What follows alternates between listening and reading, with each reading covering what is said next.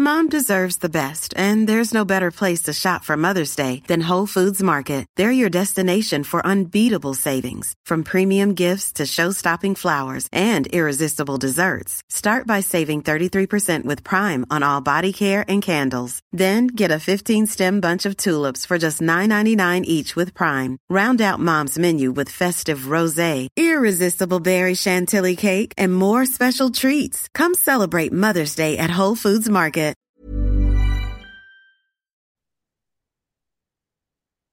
Halo pendengar ganteng-ganteng Manchester United Podcast. Kembali lagi bersama kita berdua, Desawung dan Alvin di sini. Dan episode kali ini uh, tentu kita akan membahas match selanjutnya. Uh, kita away ya, Vin ya, kalau nggak salah. Ya. Kita away ke White Hart Lane atau Spurs Stadium untuk melawan Tottenham Hotspur di bawah asuhan Ange uh, agak, agak agak susah nih baca. Ange Postecoglou. Iya, iya. Uh, tim yang menurut gua banyak yang uh, ini ya underestimate ya, banyak yang meremehkan ter- uh, terutama ketika uh, Harry Kane pindah gitu dan ini juga cukup menyakitkan ya bagi gua gitu karena selama musim transfer ini gue sangat-sangat berharap Kane bisa pindah ke United tapi ternyata dia memilih easy way out dengan cabut ke uh, Bayern Munchen gitu. Tapi uh, apa namanya kalau gue boleh nanya ke Luvin, apa yang kira-kira lo bisa apa ya uh, prediksi gitu dari pertandingan Spurs United ini kayak dalam artian apakah lu juga melihat hal yang sama bahwa Spurs saat ini memang tidak diunggulkan sama sekali gitu kan dengan hilangnya uh, Harry Kane gitu dan juga dia punya uh, pelatih yang baru gitu dan kemarin ketika uh, week pertama pun juga imbang ya hasilnya ya. Hmm. Lo sendiri gimana, Vin, menghadapi apa uh, pertandingan besok? Iya, kemarin pas Spurs lawan Brentford, gue tuh sempat nonton gitu. Gue nggak Hmm. lagi nonton yang serius banget, tapi gue cukup memperhatikan lah. Dan itu ternyata memang Spurs ini bermain cukup eh, possession base ya gitu. Jadi berusaha eh, memegang bola dan juga yang uniknya itu adalah em, back kanan sama back kirinya itu masuk ke dalam, nemenin DM-nya si Bisuma gitu. Jadi invert, dua-duanya invert si Royal sama si Udogi ya, back Hmm. kirinya gitu. Terus nanti eh, double eight-nya maju ke depan. Nah, sayapnya, sayap yang ini si Son sama Kulusevski ini benar-benar jaga kelebaran di sayap gitu. Jadi nanti si Richarlison sebagai penyerang itu di belakangnya ada Madison sama si Oliver Skip gitu. Jadi Hmm. sebenarnya sangat mencoba overload lini tengah. Em, cukup menarik juga dan ini juga harus sangat diwaspadai ya sama MU karena kemarin Wolves pun itu strateginya adalah eh, mengurung si Casemiro ya kan? Satu orang dilawan sama empat orang gitu loh. Jadinya Casemiro kelihatan kayak kewalahan gitu. Nah ini juga satu hal yang harus menurut gua diantisipasi sama MU gitu. Dengan kalau kita menggunakan pemain susunan yang sama let's say di lini tengah Casemiro, Mount dan Bruno Fernandes dan tidak ada perubahan itu bisa-bisa dihajar juga tuh sama si Bisuma Skip mungkin Bisuma Royal sama Udogi gitu yang benar-benar eh, back sayapnya yang ikut ke tengah gitu. Jadi menurut gua Hmm. harus ada penyesuaian nggak cuma mungkin dari personel ya tapi dari strategi. Mungkin mautnya lebih mundur ke belakang jadi 4-2-3-1 gitu. Jadi nggak saklek 4-3-3 dengan dua advance eight yang ternyata meninggalkan Casemiro sendirian gitu sih. Iya, ya. Dan ini gue lihat di Twitter juga ternyata banyak fans Spurs yang uh, cukup pede ya, cukup merasa di atas angin ya melihat performa United kemarin itu. Dan gue tidak bisa menyalahkan sih karena emang United kemarin sangat-sangat uh, jelek gitu ya, sangat buruk gitu. Bahkan uh, semuanya hampir dalam semua sektor, uh, entah itu uh, air dwelling atau uh, tackle, intercept, battle segala macam semuanya kalah gitu lawan uh, Wolves gitu dan kita tahu sendiri walaupun kayak tanpa hadirnya Harry Kane Spurs ya tetap Spurs gitu kan tetap bisa merepotkan. Walaupun di musim lalu kita belum pernah kalah sama sekali ya gitu. Skornya kita pertama menang 2-0 di Old Trafford lalu imbang 2-2 uh, menit akhir gitu kan. Dan gue rasa sih harusnya Ten Hag cukup belajar ya uh, dari pertandingan kemarin gitu kan kalau misalkan di musim lalu ketika kita kalah lawan uh, Brentford ya, uh, mereka suruh lari berapa puluh kilometer pada saat itu. Harusnya sih musim ini gitu kan itu hukumannya harusnya lebih keras gitu karena ya lo udah diajarin selama satu musim penuh tapi lo nggak bisa bermain dengan uh, cara yang benar itu yang uh, mengkhawatirkan gitu sih. Nah, kalau lo sendiri maksudnya gini, uh, Spurs kan sekarang kalau salah mereka bermain pakai empat empat dua tiga satu atau empat empat dua gitu ya. Gue Sama lupa dia empat tiga tiga. empat tiga tiga gitu kan. Uh, Son, Richarlison dan Kulusevski gitu. Nah, uh, lo cukup khawatir gak, Vin, melihat front three ini gitu kan, tanpa kehadiran Harry Kane dan uh, apa namanya, ya back four kita yang mungkin cukup solid gitu. Lo tetap ada kekhawatiran gak? Um, sebenarnya kalau lihat lini depan Richarlison, gue cukup pede sih bahwa Varane dan Martinez bisa gitu. Cukup pede ya gitu. Ya, ya, ya, Karena ya, apa ya, ya. Richarlison tuh bagus, tapi menurut gue beda lah sama si Harry Kane kan. Dan gue Varane bisa lah gitu. Cuma yang gue takut itu uh, lebih ke Kulusevski sih gitu. Yang mana dia sering masuk ke dalam. Nah gue takutnya nih si Shaw ini suka ketarik kan. Biasanya kan dia gitu Hmm. kan. Kalau Mhm. misalnya dia main sebagai LB tuh kadang-kadang suka ketarik ke dalam gitu loh. Nah gue takut ya ketika lagi kayak gitu tuh si Royal yang tadi di tengah bisa overlap gitu. Terus kemudian Ya. meninggalkan lubang gitu kan di sisi kiri kita. Terus nanti dia bisa cutback either cutback atau misalnya crossing gitu. Itu ala-ala permainan Manchester City kan gitu. Jadi eh gua khawatir di situ sih kalau di Kulusevski sih. Kalau Son menurut gua apa ya? Ini kemarin di taktik Tottenham tuh ada yang meng- bukan mengkritik ya, tapi merasa bahwa Son ini lebih bagus kalau di skema sekarang itu jadi penyerang karena Hmm. sayapnya Tottenham ini di eh, strategi si Ange ini itu sayap itu benar-benar di ujung banget gitu loh di apa Hmm. eh, width banget. Sangat wide lah ya. Betul. Sedangkan Mhm. Son ini kan wasted ya kalau ditaruhnya di situ gitu. Mhm. Son ini Betul. harus sedekat mungkin dengan kotak penalti gitu. Jadi kalau misal masih strateginya sama, ya Son menjauhi kotak penalti itu malah bagus bagus banget gitu loh buat kita kan. Son di ujung lawannya misalnya kita anggap Wan Bisaka gitu kayak ya udahlah dimakan sama Wan Bisaka gitu kasarnya gitu sih. Ya, ya, ya, ya. Dan uh, kalau gue jujur juga sama kayak lu gitu kan, gue tidak merasa khawatir akan front three-nya Spurs gitu. Karena gue uh, cukup pede gitu dengan apa yang kita punya. Backcourt-nya uh, United saat ini cukup solid. Dengan uh, Varane kemarin juga uh, sangat perform gitu ya. Wan Bisaka. Terus uh, mungkin yang cukup gue concern adalah apakah nanti Martinez akan start atau mungkin Lindelof gitu ya. Karena ketika pertandingan minggu lalu Martinez itu sempat diganti karena dia uh, agak cukup ada discomfort kan di ankle-nya dia gitu. Dan ini mungkin yang uh, kita mesti tunggu update-nya gitu sih. Nah, kalau Shaw sendiri, nah ini yang gue malah justru lumayan apa ya agak kepikiran sih men. Karena ketika di big games gitu kan dia tuh ada kecenderungan untuk agak dropping nih kualitinya itu gue nggak bilang dia buruk gitu ya tapi ketika uh, big games itu um, apa ya tendensi dia untuk untuk untuk defensif tuh agak agak cenderung berkurang gitu. Nah gue malah uh, pengen Malaysia sih yang nanti akan akan bermain di uh, sektor kiri ya. Karena Masih nanti cedera bro, apa? Masih cedera dia. wah. Ya udah berarti uh, Dalot.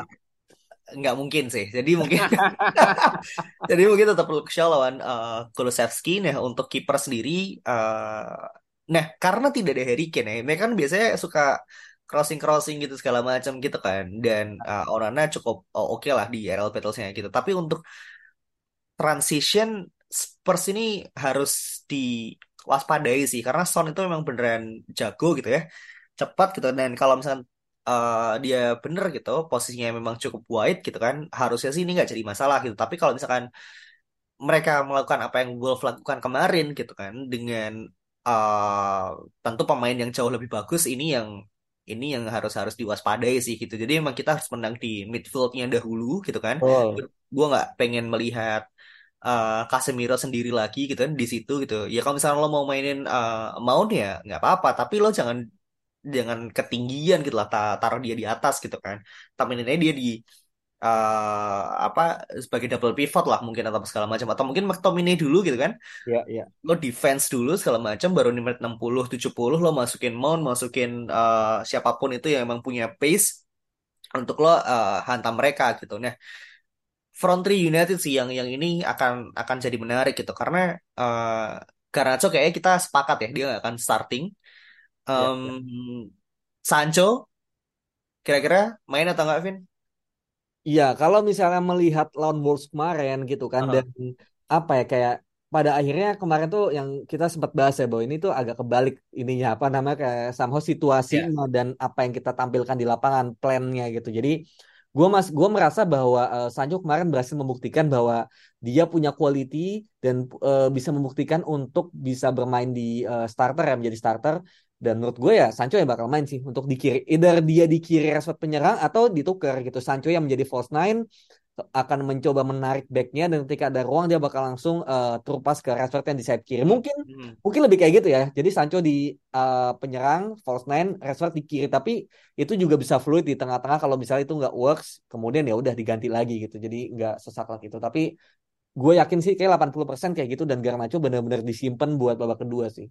Oke, gue malah justru pengen lihat uh, Sancho beneran jadi false nine ya, hmm. uh, karena kita lihat dia kan di preseason kemarin dan menurut gue dia cukup excel gitu di posisi itu dan nggak ada salahnya kita dicoba karena juga Rashford uh, dia sendiri yang bilang bahwa dia uh, lebih nyaman bermain di kiri kan. Dia ketika dia bermain di kiri pun juga uh, emang jago lah dia di situ gitu. Nah um, kanan gue rasa nggak akan ada perubahan deh Anthony masih tetap starting menurut gue dan uh, Pelistri juga kayaknya masih belum cukup meyakinkan untuk dia starting. Jadinya uh, mungkin uh, first eleven-nya uh, ada Sancho, Rashford, Anthony.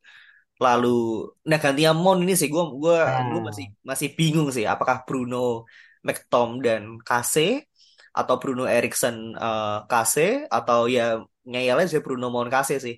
Ini hmm. yang ini yang gue masih bingung sih karena kalau misalkan uh, Bruno McTom berarti Ten Hag akan main double pivot kan gitu. Ya. Uh, tapi kalau Bruno kasih Erikson, Eriksonnya juga nggak terlalu oke okay sebenarnya battle di midfield ya. Jadi kayak ya, ya. kalau mau main uh, possession ya mungkin bisa gitu. Tapi untuk transition gue gue nggak nggak cukup pede sih sebenarnya ya. Hmm. Oke, okay. kalau gua sih sebenarnya ini tergantung ya Tenak mau bermain seperti apa gitu. Hmm. Apakah kayak babak pertama mau bermain position dulu gitu, kemudian babak kedua bermain lebih reaktif gitu. Atau memang dari awal kita akan bermain rapat gitu loh, bermain rapat dan kemudian um, ya kalau misalnya udah deadlock banget baru masukin Erikson gitu, itu gue masih nggak tahu gitu Ten Hag ini sekarang game plan-nya seperti apa gitu loh. Apalagi uh, mungkin considering ini big games ya dianggapnya ya dan away ya jadi gue melihat sebenarnya kita akan bermain lebih pragmatis sih gitu. Uh-huh. Jadi gue jadi nggak yakin Erikson bakal bermain dari awal. Kalau misalnya. Erikson main dari awal, mungkin Bruno bakal main di kanan atau kiri gitu loh. Jadi uh, yang kemarin kita sempat bahas gitu. Jadi yeah. tengahnya bakal kasih Erikson dan Mount. Nah nanti Bruno ini ya bisa di kiri, bisa di kanan gitu. Jadi kayak um, apa ya? Bruno tetap harus bermain tapi lebih advance lagi dan This Mother's Day, celebrate the extraordinary women in your life with a heartfelt gift from Blue Nile. Whether it's for your mom, a mother figure, or yourself as a mom, find that perfect piece to express your love and appreciation. Explore Blue Nile's exquisite pearls and mesmerizing gemstones that she's sure to love. Enjoy fast shipping options like guaranteed free shipping and returns. Make this Mother's Day unforgettable with a piece from Blue Nile. Right now, get up to 50% off at BlueNile.com. That's Bluenile.com. Hiring for your small business? If you're not looking for professionals on LinkedIn, you're looking in the wrong place. That's like looking for your car keys in a fish tank. LinkedIn helps you hire professionals you can't find anywhere else, even those who aren't actively searching for a new job but might be open to the perfect role. In a given month, over 70% of LinkedIn users don't even visit other leading job sites. So start looking in the right place. With LinkedIn, you can hire professionals like a professional. Post your free job on linkedin.com slash people today. Mount ini sangat dibutuhkan untuk uh, out of position ya gitu. Dan itu kayak Mount, Mount gak kegeser sih menurut gua gitu. Tinggal bagaimana memaksimalkan uh, Bruno ini gitu. Hmm. Dan juga Erikson supaya lini tengah kita tuh jalan gitu loh bolanya gitu. Jadi ketika kita lagi benar-benar butuh uh, position, kita butuh sirkulasi bola ya pemainnya banyak kan. Ada Erikson, ada Bruno gitu di depannya. Tapi kalau ketika kita mau out of position, ya Mount pun masih kuat gitu. Mas, hmm. uh, Erikson bisa bisa kebantu lah kasarnya gitu kan dan Bruno juga bisa membantu dari depan gitu sih. Tapi kalau gue pribadi ya gue pengen ya Bruno di kanan gitu. Gue nggak bukannya gue nggak suka Anthony ya tapi um, nanti bisa bergantian lah gitu. Jadi memang plannya kita tuh kasarnya eh, babak pertama atau 60 menit pertama itu kita bermain eh, rapat, rapi dan disiplin gitu loh. Hmm. Itu dulu aja gitu. Jangan sampai kober abik tengahnya. Tapi jangan sampai nggak bisa pegang bola juga gitu loh. Jadi dengan seperti itu gue merasa formasi terbaik tetap 4-3-3 tapi Bruno di kanan gitu. Erikson ya. mau di tengah. Ya, Bruno Sancho. Hmm? eh tapi Bruno di kanan tuh nggak jalan, bro. Lawan Barcelona Bruno di kanan men. Bisa. Iya, Nah, tapi jadi emang emang ya, Bruno ya. di kanan nih agak apa ya? eh, mut-mutan kali ya gitu. Nah, Ter- ya, ya, ya ya. kan kayak kayak kemarin pas lawan Madrid itu emang gue akui nggak jalan gitu, tapi gue masih kasih benefit of the doubt kayak oh mungkin itu eh, apa namanya friendly gitu kan. Jadi kayak ya udahlah gitu kan. Tapi gue ingat banget Bruno di kanan itu mostly jalan gitu. Meskipun ketika nggak jalan emang kelihatan jelek banget gitu. Tapi lawan Brighton, lawan Barcelona home away itu Bruno di kanan men. Baru Anthony masuk kan babak kedua yang bikin gol kan. Itu Bruno di kanan men. Gitu. Ya, tapi eh, ya apa ya? Gue sih, gue sih tidak tidak ini ya. ah, I'm not a fan lah lihat Bruno di kanan gitu. Karena pertama memang posisinya dia naturally, eh, naturally emang dia nggak di situ. Eh, dia memang bagus. Se- secara eh, kapabilitas dia bisa gitu di permain di mana pun di depan dia bisa gitu. Tapi ketika dia bermain sebagai attacking midfielder nah di situ dia excel gitu. Makanya ketika di pertandingan-pertandingan United yang sangat-sangat jelek gitu ya di musim lalu itu banyak eh, permainan yang Bruno tuh di kanan gitu loh. Makanya ketika dia eh, Anthony masuk dan Bruno akhirnya pindah ke tengah di situ baru mulai jalan men gitu. Makanya uh, Scholes juga sempat bilang kalau nggak salah kayak lo tuh jangan taruh Bruno di uh, kanan atau di kiri karena emang dia posisinya nggak di situ gitu. Dia tuh harus di tengah. Dan ketika gue lihat uh, gue sempat sempat nonton uh, ini apa namanya uh, road to semifinalnya Ajax ya waktu waktu di bawah Ten Hag gitu. Dan gue melihat uh, Bruno ini mungkin ya itu ag- agak similar sama sama Dusan Tadic sih. Dalam artian kayak eh, lo bisa bermain sebagai eh, di depan, kita di kanan, di kiri, di tengah. Tapi ketika dia di tengah, dia beneran unstoppable sih. Ketika Ajax bisa comeback lawan Madrid pada saat itu eh, 4-0 kalau nggak salah atau 4-1 gitu. Itu Tadic beneran keren men eh, di tengah gitu. Dan ketika Bruno bisa melakukan ini, ini yang ini yang gue harapin gitu. Dan ketika si siapa namanya eh Ten Hag beli Mason Mount, harapan gue ngeliatnya adalah Mason Mount kayak Donny van de Beek pada saat itu gitu loh. Bisa langsung Ya, tiba-tiba masuk ke eh, box gitu kan, bisa tiba-tiba eh, dapat bola di mana di mana karena emang dia coverage areanya tuh eh banyak gitu dan tapi dia tuh tetap apa ya? Tetap rapi gitu loh main di tengah gitu sih karena dia tahu yakin bahwa ya tadi emang ada di situ gitu ini yang yang gue harapin itu bisa jalan uh, besok lawan Spurs sih gitu apalagi waktu itu yang kena out Spurs kan jadi ya. kayaknya harusnya sih ada motivasi lebih ya bagi Ten Hag untuk menghancurkan tim ini sih gitu Iya, iya, iya. Ya itu itu eh, yang lu bilang benar gitu. Mount itu eh, harapannya bisa menjadi Donny van de Beek ya gitu. Cuma ketika ada Dusan tadi, Dusan tadi itu jadi di tengah tuh sebagai false nine gitu. Dan di belakangnya tetap hmm. tetap dua gelandang kan si eh, Frankie De Jong sama si eh, Shone gitu. Nah, makanya mungkin Frankie De Jongnya Erikson dan si Shone-nya tuh ya Casemiro gitu. Jadi Bruno ini memang pada akhirnya kasarnya Bruno memang pak gua akui gitu. Bruno memang paling bagus sebagai playmaker nomor 10 atau nomor 8 advance lah. Itu paling bagus ya. Cuma apa ya? Kayak kita pada akhirnya mengorbankan ini Bruno yang 100% demi kita bisa eh, menggerakkan di tengah gitu yaitu masukin Erikson. Karena kalau Erikson plus Bruno itu bener-bener ya menurut gue ya itu hancur main di tengah gitu. Kasarnya Hmm. Harrison di, dihabisin lah kasarnya masih Bisuma Maskip gitu kan. Jadi Nah, pada akhirnya kita berkorban eh, Bruno gitu kan. Yang penting dia kayak mungkin ya tower kanan dia cuma bisa 70% lah tapi at least bola jalan dan Bruno masih bisa lah crossing crossing atau apa gitu. Mungkin kalau kata Coach Justin kan Bruno kayak nggak happy kan di kanan. Cuma ya kalau emang lu apa ber- bermain untuk tim ya itulah pengorbanannya gitu. Meskipun gue setuju dia bagusnya emang di 10 gitu. Ya menurut gue pertandingan uh, United dari minggu kemarin sampai nanti ditutupnya bursa transfer ya itu akan semakin mengukuhkan bahwa United itu emang butuh another defensive midfielder sih, emang butuh another midfielder. Dan kalau sampai akhir eh, deadline day kita belum beli Amrabat ini bahaya banget sih. Ya. Uh, gue berpikir mungkin ya Amrabat uh, bisa gitu jadi pelapisnya Casemiro ya pada awalnya gitu. Tapi kayak melihat pertandingan kemarin lawan Wolf, kayaknya emang dua orang ini harus main bareng sih. Gak bisa sih bro. Maksudnya lo ya kalau misalnya lo lawan uh, tim yang sorry itu saya kayak misalnya uh, remeh-temeh gitu ya. Ya Siapa? mungkin Siapa? Chelsea. uh, Chelsea gitu kan atau, Liverpool gitu.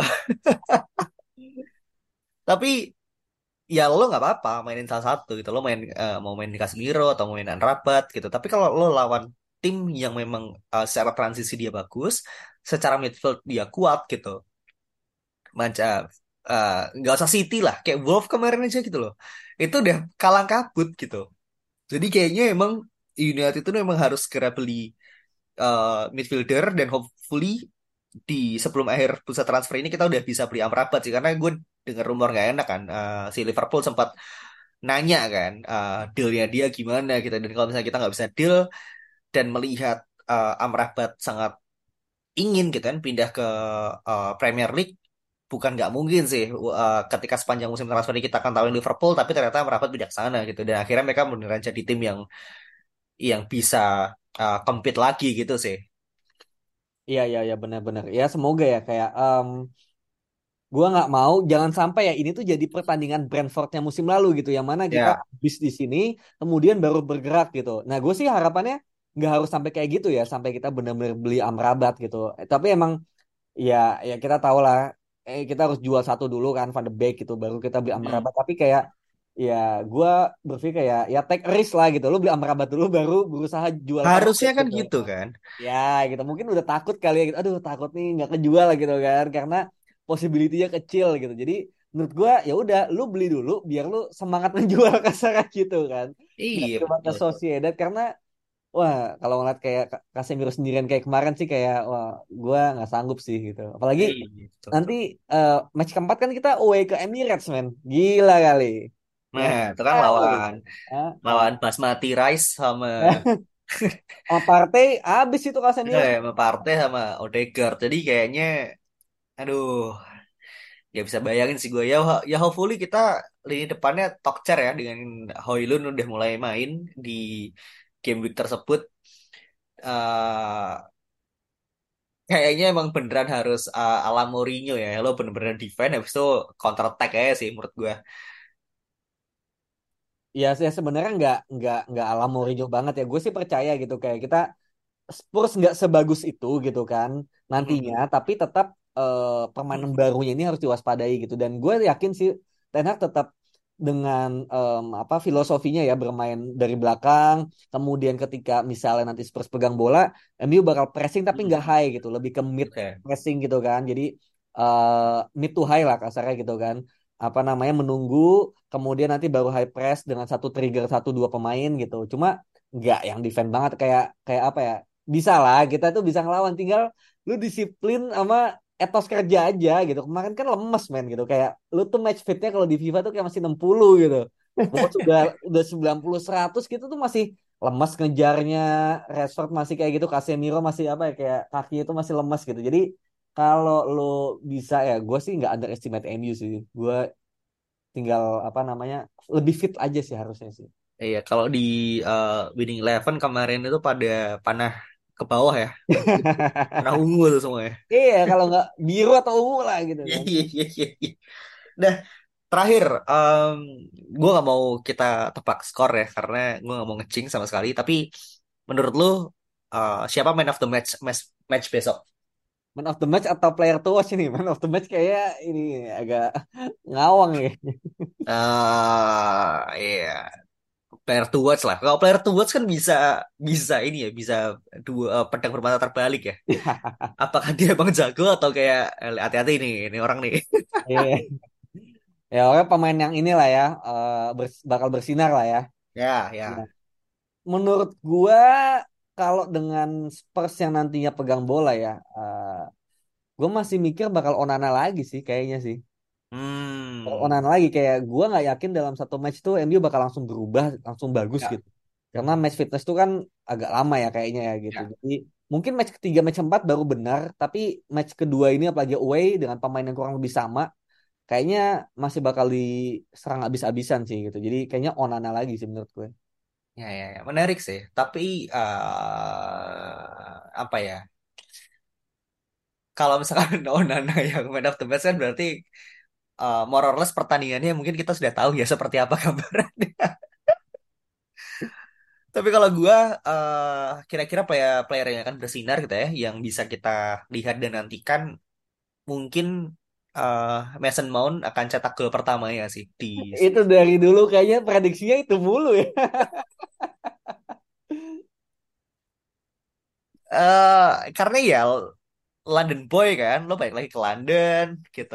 Eh, setelah berbagai macam drama segala macam melawan eh, mantan eh, rival, ya what more could we ask bro gitu. Ini kan emang udah skripnya kayak gitu. Jadi eh, teman-teman besok eh, kalau misalkan lo punya Mason Mount gitu ya di FPL kalian, mending lo kaptenin sekarang sih karena feeling gue kayaknya dapet nih besok nih. Oke, kalau gue sih kaptenin Onana aja gitu. Kayak dia save banyak deh. Jangan jangan kapten Halan lah, harom harom. Ya, ya, ya. ya. Oke, thank you so much semuanya. Eh, semoga MU menang besok dan kita tag lagi. Eh, kita bisa bahas eh, apa namanya eh, gol-gol cantiknya eh, Mason Mount, Bruno Fernandes dan Rashford dan juga penyelamatan gemilangnya Onana dan oke, thank you so much. Eh, see you next episode. Bye bye. Mom deserves the best, and there's no better place to shop for Mother's Day than Whole Foods Market. They're your destination for unbeatable savings, from premium gifts to show-stopping flowers and irresistible desserts. Start by saving 33% with Prime on all body care and candles. Then get a 15-stem bunch of tulips for just $9.99 each with Prime. Round out Mom's menu with festive rosé, irresistible berry chantilly cake, and more special treats. Come celebrate Mother's Day at Whole Foods Market.